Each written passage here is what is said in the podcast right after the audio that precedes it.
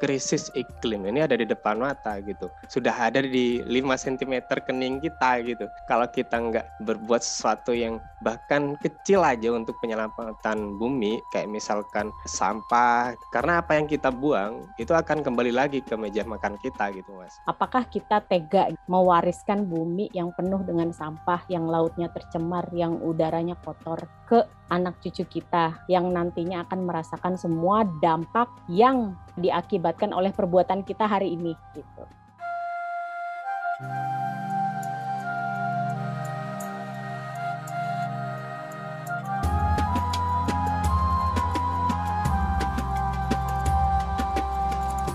Assalamualaikum warahmatullahi wabarakatuh. Kamu lagi dengerin podcast Ramadan Vibe bareng saya Reski Mesanto. Gimana kabar kamu hari ini? Mudah-mudahan dalam kondisi yang baik, sehat, dan lancar puasanya. Bulan suci Ramadan sebuah momentum penting bagi umat muslim di seluruh dunia untuk meningkatkan kualitas dan kuantitas kegiatan ibadahnya. Salah satunya bisa banget nih memulai untuk bergaya hidup yang hijau yang lebih lestari di tahun ini. Lalu apa yang bisa kita lakukan? Di episode kali ini kita akan ngobrol seputar kontribusi yang bisa kita lakukan walau sekecil apa pun bisa bermanfaat bagi bumi. Di episode kali ini sudah ada narasumber saya yang luar biasa. Yang pertama ada Mbak Rahma Sofiana, juru kampanye media Greenpeace Indonesia. Kemudian ada juga Mas Agil Laksmana Putra, pegiat kader hijau Muhammadiyah. Dan ada juga Mbak Rani Untara, momfluencer and less waste living enthusiast bergaya hidup hijau ini bertepatan dengan bulan Ramadan. Saya langsung ke Mbak Rahma dulu nih. Sebelum kita membahas seputar kontribusi yang bisa kita lakukan kepada bumi, kita harus tahu dulu nih kenapa sih kita harus menjaga bumi? Mungkin bisa kasih gambarannya. Jadi gini, 100 tahun terakhir gitu ya, sudah banyak pakar, banyak peneliti secara sains ketika suhu bumi naik satu derajat saja itu akan memberikan perubahan yang amat sangat besar terhadap ekosistem bumi gitu ya. Nah, makanya sejak kemarin itu ada COP26 ya, di mana negara-negara berkumpul untuk mendiskusikan tentang mitigasi perubahan iklim. Itu berarti sudah 26 kali dilaksanakan, membahas bagaimana caranya kontribusi-kontribusi negara di dunia ini bisa mengurangi emisi secara global agar tidak ada penaikan suhu satu setengah derajat itu. Nah, sementara yang terjadi sekarang adalah di awal tahun gitu kita bisa lihat ada 100 lebih bencana alam yang berhubungan dengan hidrometeorologi, jadi berhubungan dengan cuaca ekstrim, hujan lebat. Ini laporan yang dirilis oleh BMKG ya, jadi resmi. Dia menyatakan bahwa memang 90% bencana alam yang terjadi di Indonesia itu akibat bencana hidrometeorologi. Artinya ada perubahan siklus secara ekstrim yang akhirnya kemudian mempengaruhi cuaca dan musim di setiap negara. Gitu. Kalau di kita berarti negara tropis ya Indonesia. Kemudian belum lama juga BMKG mengeluarkan pernyataan bahwa Jakarta dalam 100 tahun terakhir, ini hanya di kota Jakarta gitu ya, suhunya itu sudah naik satu derajat yang harusnya diprediksi kenaikan suhu itu terjadi di 2030. Sekarang masih 2022, artinya 8 tahun lebih cepat. Kemudian intensitas curah hujan itu juga bertambah. Hanya di Jakarta saja. Kita belum bicara daerah-daerah yang memang rentan terhadap bencana gitu ya. Pulau-pulau kecil misalnya, kemudian daerah-daerah yang rawan kebakaran hutan gitu misalnya di Kalimantan atau Sumatera. Dan kita tahu gitu, ketika itu terjadi, kita menyadari bahwa ini sebenarnya memang sedang nggak oke okay aja nih gitu, sedang tidak baik-baik saja gitu. Ada sesuatu yang memang mempengaruhi bagaimana kemudian alam ini bekerja. Dan saya lihat kayaknya sekarang orang-orang tuh udah mulai agak terbuka ya dalam artian kalau dulu mungkin ya ketika terjadi bencana gitu kita selalu menganggap bahwa ya ini udah takdir musibah kita harus menerima menjalaninya dengan sabar ada hikmah di balik ini semua gitu betul bencana itu tidak akan terjadi tanpa seizin Allah gitu ya, tanpa seizin yang maha kuasa. Tapi kemudian yang perlu digarisbawahi adalah bagaimana kemudian siklus bencana itu terjadi frekuensinya semakin sering, semakin cepat dan semakin dampaknya semakin parah. Di situlah manusia turut andil ya, berperan dalam akselerasi bencana-bencana alam tadi gitu. Itu baru bicara kenaikan suhu. Belum lagi bicara soal sampah, sampah plastik ya. Jakarta aja tiap hari itu 7 juta ton. Bayangin Mas, 7 juta ton. Itu saya sih nggak kebayang ya banyaknya kayak apa saya sebenarnya nggak kebayang gitu dan itu tiap hari diangkut kemudian ditaruh di TPA ya sejauh ini semua sampah Jabodetabek adanya di Bantar Gebang di 2030 diprediksi Bantar Gebang itu sudah tidak mampu menampung kalau volume sampah di Jakarta tidak berkurang secara signifikan. Itu dari sampah. Belum lagi dari sampah makanan. Itu juga berkontribusi terhadap kenaikan suhu bumi. Karena sampah-sampah, terutama sampah yang organik ya, sampah yang bisa membusuk itu dia mengeluarkan CH4 atau amonia ya, yang bisa terlepas ke atmosfer, kemudian terperangkap di atmosfer sehingga mampu memanaskan suhu bumi. Itu kita baru bicara dari kenaikan suhu bumi dan sampah. Belum lagi misalnya mencairnya es di kutub selatan dan kutub utara, kenaikan air muka tanah yang terjadi di Jakarta sehingga menyebabkan kelangkaan uh, air bersih, menyebabkan krisis air bersih di kota-kota besar. Kemudian belum lagi bicara soal kebakaran hutan, penggundulan hutan, bagaimana polusi udara terjadi akibat pembakaran yang terjadi di sistem transportasi kita dan juga sumber listrik kita. Jadi memang ini adalah suatu keadaan di mana yang terjadi akibat perilaku kita, perilaku konsumtif kita, perilaku mubazir dalam tanda kutip, perilaku membuang-buang manusia. Manusia itu punya andil besar dalam menciptakan dunia yang kita tinggali sekarang. Mbak Rahma, ini kan bertepatan dengan bulan Ramadan. Banyak yang bilang bulan Ramadan ini bulan penuh berkah, bulan yang baik. Kenapa bulan Ramadan ini menjadi momen yang baik untuk kita mungkin lebih meningkatkan kesadaran kita terhadap alam, khususnya seputar kondisi krisis iklim di Indonesia bahkan di dunia? Nah, ini kalau pertanyaan ini agak filosofis nih jawabnya. Hmm. Tapi mungkin saya bisa kasih sedikit ini ya, nanti mungkin Mas Agil bisa menambahkan. Biasanya kan ketika Ramadan datang itu kita sebagai muslim ini bersiap dalam artian bersiap memperbaiki ibadahnya gitu ya. Tidak hanya sholat lima waktu, mungkin sholat-sholat sunnah kita kerjakan termasuk tarawih di dalamnya. Kemudian membaca Al-Quran gitu ya. Kemudian bersedekah. Banyaklah amalan-amalan lain yang kemudian kita tingkatkan selama bulan Ramadan. Nah, momentum Ramadan ini seharusnya bisa kita manfaatkan, kemudian juga memperbaiki hubungan kita dengan alam. Tidak hanya memperbaiki hubungan kita dengan Sang Pencipta gitu ya, tetapi karena kita manusia adalah guardian of the earth gitu ya, khalifah di muka bumi, ya memang namanya aja guardian, berarti menjaga, si penjaga, si penjaga bumi gitu. Berarti memang bahwa hubungan kita dengan alam itu juga perlu diperbaiki gitu. Nah, momentum Ramadan adalah momentum yang saya pikir merupakan waktu yang pas gitu ya supaya apa yang kita lakukan sekarang itu bisa berubah, kemudian menjadi kebiasaan, akhirnya bisa kita teruskan di luar bulan Ramadan. Kan harapannya seperti itu kan. Begitupun dengan ibadah sebenarnya. Ketika bulan Ramadannya selesai, harusnya kan kita udah di tempat nih sebulan gitu ya. Harusnya ketika Ramadan selesai, bulan-bulan di luar di luar selain Ramadan itu ibadahnya tetap sama gitu dengan bulan Ramadan. Begitupun perilaku kita dalam menjaga alam. Jadi segala hal baik yang sudah kita lakukan selama bulan Ramadan ini akan jadi lebih baik ketika kita bisa melanjutkan di 11 bulan berikutnya. Seperti itu ya Mbak Rahma ya. Mungkin pertanyaan yang berikut ini pas banget kalau dijawab Mas Agil. Sebetulnya ada nggak sih Mas Agil hadis tentang menjaga bumi? Sebetulnya agama itu mengatur penuh ya kehidupan apalagi dalam Islam ya itu mengatur penuh kehidupan kita baik bersosial maupun individu gitu. Jadi semuanya itu udah ada tatanannya sendiri ada tuntunannya sendiri. Perihal kehidupan yang lebih ekologis atau tentang lingkungan gitu. Nah agama juga mengatur hal itu gitu. Kalau dalam hadisnya sih ya yang baru-baru ini muncul itu ada hadis 4, 40 hadis hijau. Itu berisi tentang sabda Nabi Muhammad tentang keadilan dan keberlanjutan lingkungan. Nah, di situ dikupas tuntas ada lima bab. Yang pertama itu bab tentang air, bumi, tanaman, dan hewan. Dan yang terakhir itu gaya hidup. Jadi semuanya itu berisi tentang sabda-sabda Nabi Muhammad SAW. Berikut tentang tuntunannya juga bahwasannya kita ini sebagai khalifah itu wajibnya itu menjaga gitu. Wajibnya itu melestarikan, wajibnya itu tidak merusak. Nah, perilaku-perilaku melestarikan itu itu harusnya dianggap sebagai bentuk ibadah. Bahkan kalau kita ya dalam muslim itu harusnya itu dianggapnya wajib. Karena kita seorang muslim itu khalifah di bumi. Nah, perilaku-perilaku untuk mencemari lingkungan, merusak lingkungan, itu harusnya kita anggap sebagai sesuatu yang haram. Nah, kalau haram kan pastinya kan dosa gitu kan ya.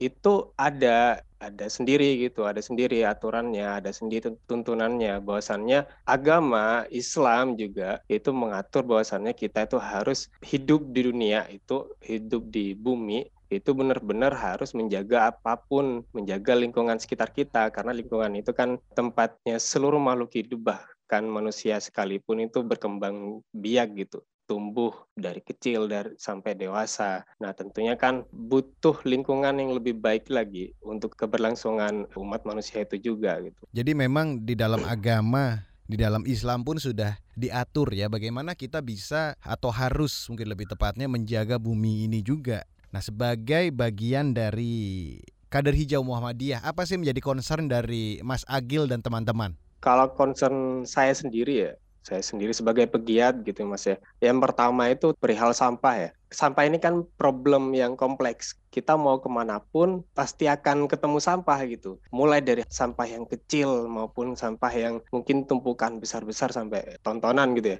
Ada mungkin sekitar puluhan juta ton sampah yang ada di dunia maupun itu di darat atau di laut gitu. Dan yang tercover atau bahkan didaur ulang gitu yang benar-benar bisa mengurangi pencemaran lingkungan itu mungkin nggak sampai 10% gitu mas jadi jutaan lainnya bisa kita bayangkan itu pasti akan ada di selokan-selokan, ada tumpukan di TPA-TPA, bahkan ada di laut-laut, apalagi yang ada di laut ya. Problem kita itu, apalagi di dunia pendidikan kita ya. Dulu kalau kita SD gitu ya, atau masih sekolah, kita pasti lihat pajangan-pajangan bahwasannya buanglah sampah pada tempatnya tapi pendidikan kita itu tidak mengatur, tidak menganjurkan bahwasannya kurangi sampah sebenarnya tata kelola kebijakannya saja yang salah gitu. Yang itu berakibat besar bagi pengelolaan sampah yang juga kurang juga jatuhnya ke budaya masyarakat yang konsumtif banget gitu perihal sampah ini. Nah, selain sampah sih ya, yang kedua itu tentang problem hutan yang ya makin hari makin menghilang. Nah, hutan ini kan dianggapnya harusnya gudangnya kita untuk bertahan hidup gitu ya. Karena kita mendapatkan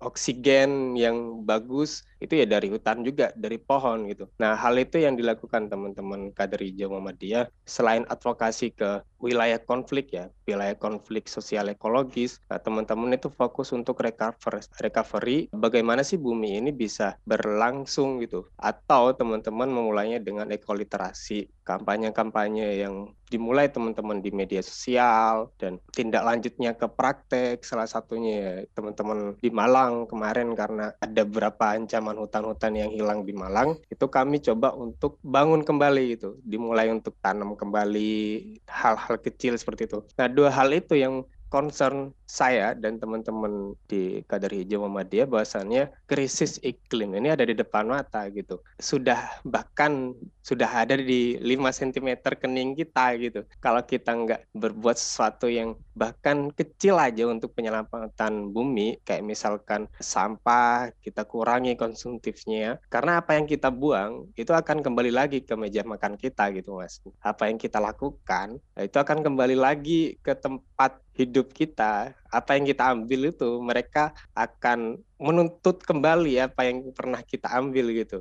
Kayaknya seolah-olah memang menjadi masalah di mana-mana sampah. Kita buka mata sampai tidur pasti kita menghasilkan yeah. sampah. Nah ini menariknya ada Mbak Rani. Mbak Rani ini menjalani hidup less waste atau meminimaliskan banget banget yang namanya sampah. Bagaimana Mbak Rani menjalani hidup yang meminimalkan banget sampah dan menurut Mbak Rani kenapa yang dilakukan Mbak Rani ini penting buat bumi dan mungkin penting juga dilakukan sama teman-teman? Kalau trigger saya ketika mulai belajar untuk less waste ini kan mungkin terlambat kali ya ketika saya sudah jadi seorang ibu gitu. Jadi triggernya itu ingin mem, apa, memberikan sebuah contoh yang nyata, contoh yang utuh terhadap anak-anak saya gitu kan. Apalagi saya punya empat anak gitu. Awalnya sih itu gitu kan. Kemudian karena pelan-pelan saya belajar mengenai mengenai, less waste ini, berkenalan dengan bank sampah, kemudian mengompos gitu kan. Itu membuat saya itu menjalankan less waste ini tuh membuat saya itu lebih sadar gitu dalam mengkonsumsi sesuatu, dalam melakukan sesuatu gitu kan. Karena tipis ya bedanya antara keinginan sama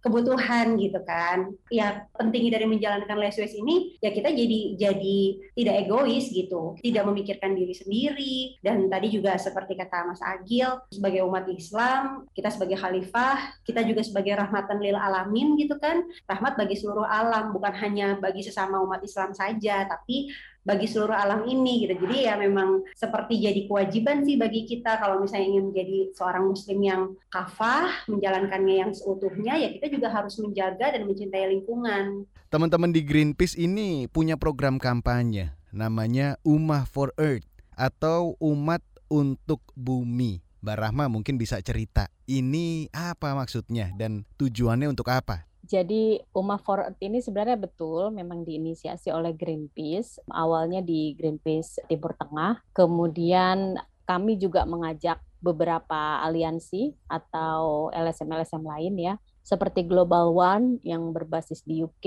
turut serta juga mengkampanyekan tentang Ummah for Earth ini atau umat untuk bumi. Jadi memang sebenarnya Ummah for Earth ini ada karena berangkat dari kegelisahan kita tadi ya soal soal bumi yang tidak baik-baik saja ini gitu.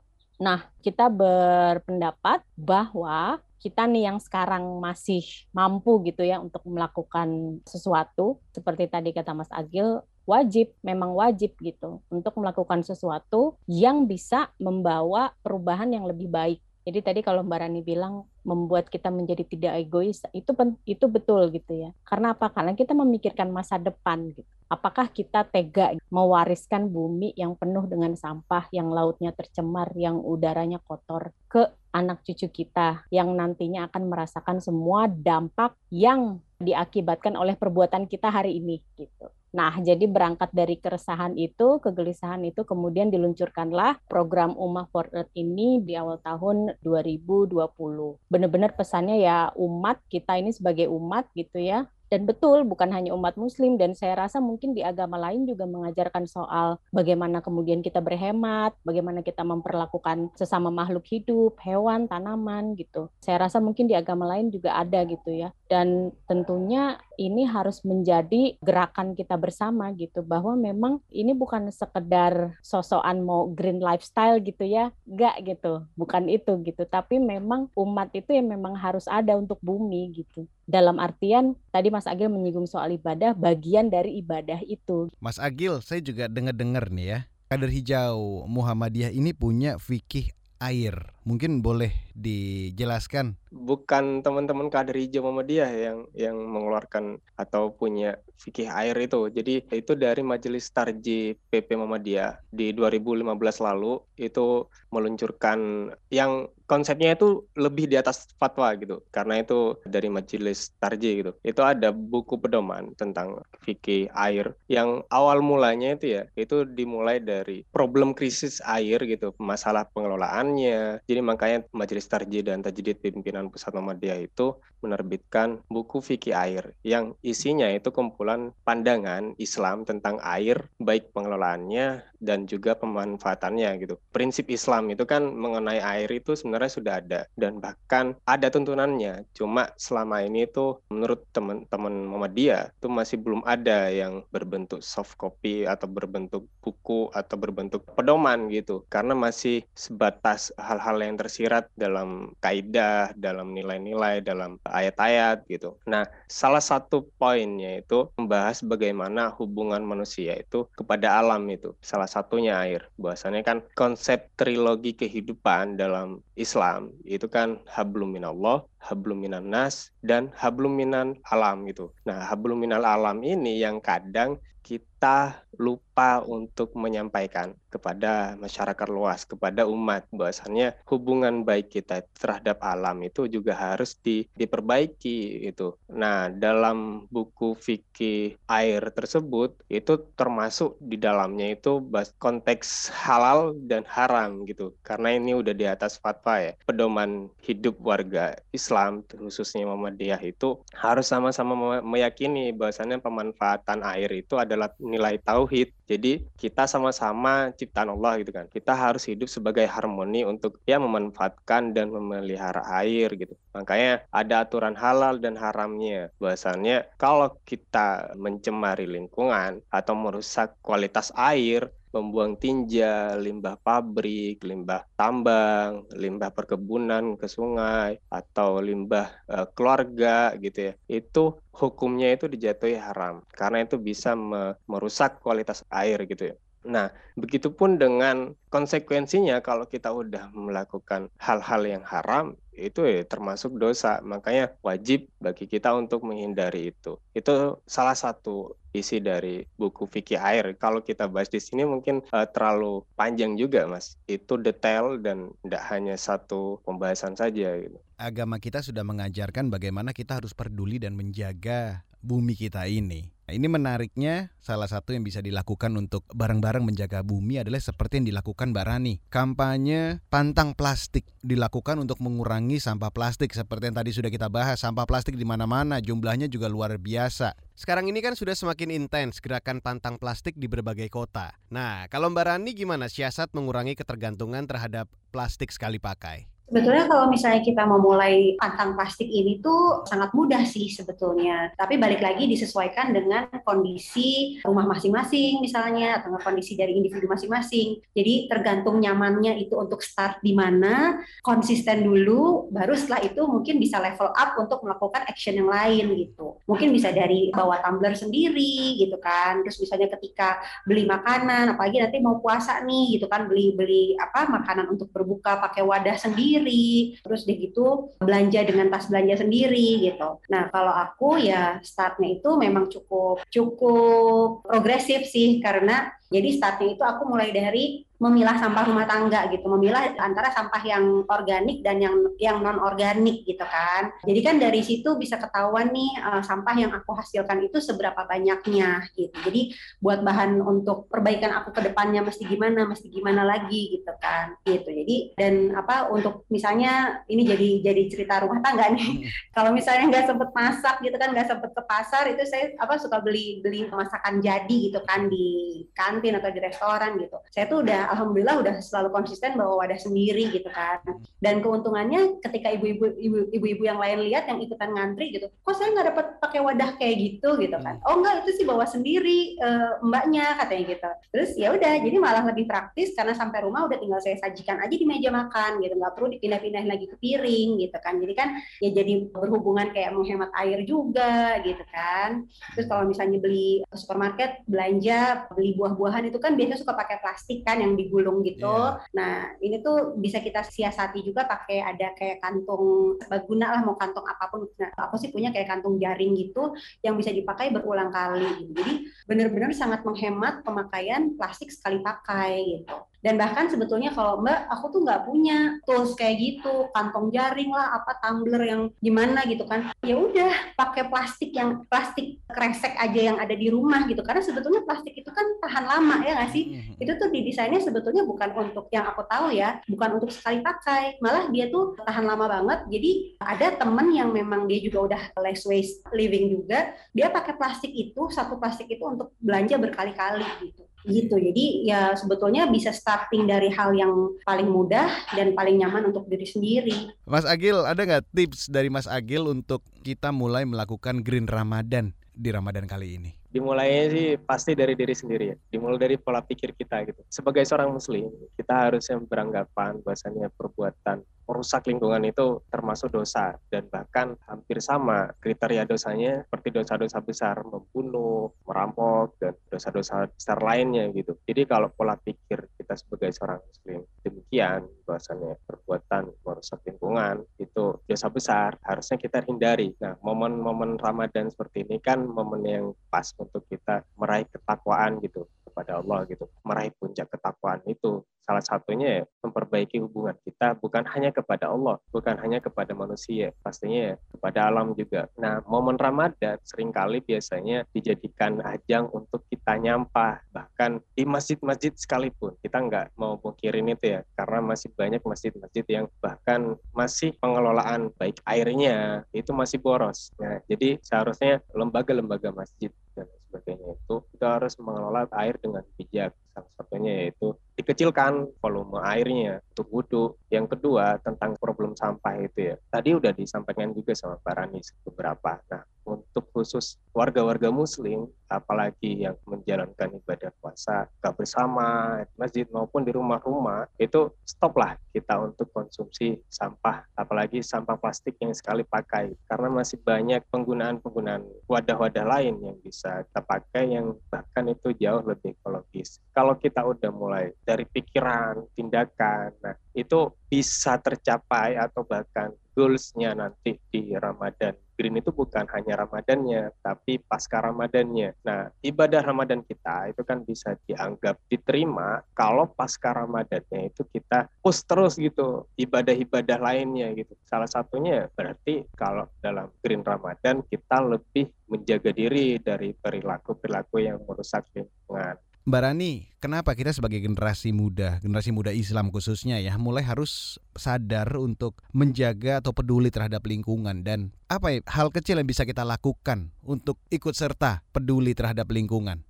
Ya, apalagi kan sebagai umat Islam ya gitu, kita menjadi solusi. Kita harusnya menjadi solusi dari setiap permasalahan gitu. Apalagi mengenai isu lingkungan seperti ini, karena kita juga punya contoh gitu kan Rasulullah Shallallahu Alaihi Wasallam itu yang memang benar-benar mencontohkan gaya hidup yang sederhana gitu kan. Dengan di bulan puasa ini Rasulullah itu sahur itu tidak sampai kenyang gitu kan, hanya untuk uh, menjaga supaya punggungnya itu bisa tetap tegak untuk beribadah gitu kan. Jadi tidak pernah tuh yang sampai berlebih berlebihan seperti itu. Jadi ya kita sebagai umat Islam itu ya memang harus menyelaraskan value-value Islam dalam setiap kehidupan gitu. Salah satunya ya dengan menjaga dan mencintai lingkungan gitu kan. Nah, apa yang bisa kita perbuat? Kita harus bisa lebih aware, jangan hanya memikirkan diri sendiri, tapi juga mulai melihat nih yang bisa dilakukan mungkin berbeda-beda ya dari dari setiap orang gitu kan. Tapi dimulai dari hal-hal yang kecil seperti yang tadi saya udah sempat bilang ada yang nyamannya dengan yaudah deh saya mau start dari bawa tumbler sendiri dulu gitu kan. Saya mau start dari bawa tas belanja sendiri dulu gitu.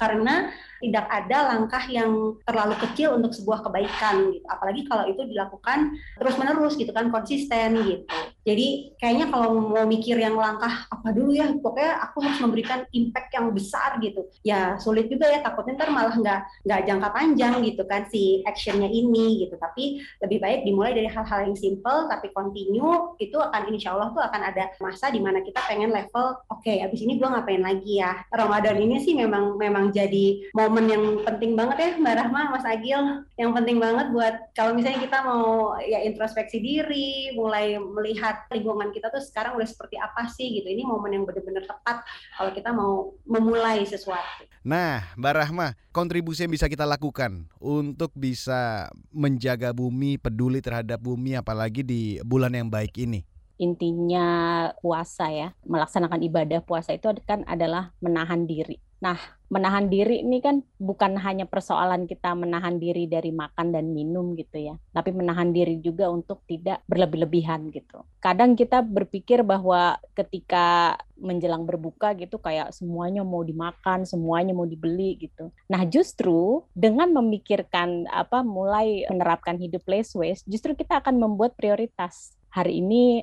cukup buka dengan ini dan ini. Sehingga kita tahu apa yang mau kita beli misalnya ya kalau kita nggak masak gitu ya. Dan kita tahu kita mau bawa wadah yang seperti apa. Kalau kita mau beli bukaan atau makanan yang sudah kita rencanakan itu satu. Intinya menahan diri. Kemudian tadi Mbak Rani menyinggung soal konsisten. Nah ini yang kemudian agak sulit ya memang. Karena kadang-kadang kita ya tergoda dengan mungkin promo-promo di di aplikasi online. Promo ini promo itu dan lain-lain mungkin ya kita tidak tidak munafik gitu menyadari bahwa banyak sekali promo-promo yang bertebaran selama bulan Ramadan termasuk ketika kita belanja online. Nah, konsistensi ini penting karena kalau misalnya saya, Mbak Rani, Mas Reski, Mas Agil kemudian dikali dimultiplikasi ya orang-orang kayak kita nih dikali 10 ada di lingkungan RT kita dikali 10 lagi. Satu RW itu ada ada 15 RT misalnya. Dikali 10 lagi udah 150 dikali lagi sekelurahan dikali lagi sekecamatan justru dari hal-hal yang kecil-kecil tadi itu tapi konsisten gitu ya tapi continue bayangin kalau satu miliar orang yang ngelakuin hal yang sama itu pasti dampaknya akan luar biasa benar kata Mbak Rani tadi, dimulai dari yang kecil aja dulu, dari yang sebisa kita. Misalnya itu tadi bawa tumbler, bawa tas belanja sendiri, bawa wadah sendiri gitu ya. Kurang-kurangin belanja online, tahan-tahanin jempol. Intinya kan menahan diri. Kurang-kurangin mengkonsumsi makanan-makanan yang wadahnya menggunakan plastik, kira-kira seperti itu. Oh. Dan ada sebenarnya cara-cara yang cukup mudah juga gitu ya untuk kita lakukan selain soal mengurangi sampah tadi selama Ramadan. Coba kita mulai misalnya kalau beli takjil takjil atau beli makanan berbuka puasa atau ke masjid jalan kaki. Pertama lebih sehat dan less karbon. Itu satu. Males aja jalan kaki, naik sepeda aja. Jangan naik motor, jangan naik mobil gitu. Jadi itu less dari kitanya juga dari less karbon gitu dan mengurangi polusi. Jadi setiap tindakan kecil kita itu akan mempengaruhi lingkungan sekitar kita gitu. Jadi nggak usah takut kita mulai dari mana dan kemudian yang paling gampang ya ini buat kaum rebahan nih. Kalau mau aware pakai jempolnya. Banyak banget sekarang channel-channel yang ngebahas soal bagaimana hidup secara sustainable, less waste, bagaimana cara mengompos, menanam tanaman pangan sendiri itu banyak banget dan itu bisa didapat dari sosial media dan kulihat sekarang kontennya tuh beragam gitu ya dan bisa dinikmati gitu. Kalau dulu kan kayaknya kita mikir aduh ngompos kayaknya susah apa. Kalau sekarang tuh kita lihat sosial media oh semudah itu ya. Kontennya tuh bisa kita ikutin lah. Oke, terima kasih untuk narasumber saya di episode kali ini yang luar biasa ada Mbak Rahma Sofiana, juru kampanye media Greenpeace Indonesia. Kemudian ada Mas Agil Laksmana Putra, pegiat kader hijau Muhammadiyah dan Mbak Rani Untara, influencer and less Living enthusiast. Dan sebagai bagian kampanye Green Ramadan, Greenpeace meluncurkan game True or Dare yang bisa kamu mainkan di website umaforearth.org. Jadi game ini menantang kamu untuk mengatakan truths atau kebenaran mengenai informasi lingkungan dan keberlanjutan yang perlu kamu ketahui lebih lanjut dan dares atau tantangan mengenai tantangan yang harus dilakukan. Jangan lupa tantang orang lain di sekitarmu dan sertakan hashtag Ramadan Seru, hashtag Dare Together, hashtag Challenge to Action, hashtag Umah for Earth, hashtag Krisis Iklim, dan hashtag Pantang Plastik. Yuk kita jadikan bulan Ramadan ini sebagai langkah untuk sama-sama jaga kelestarian bumi. Hal-hal kecil bisa dilakukan sesering mungkin dan menular ke banyak orang bisa jadi seribu lebih kebaikan untuk bumi. Terima kasih buat kamu yang sudah mendengarkan podcast Ramadan 5 persembahan Greenpeace Indonesia dan KBR Prime. Sampai jumpa lagi. Wassalamualaikum warahmatullahi wabarakatuh.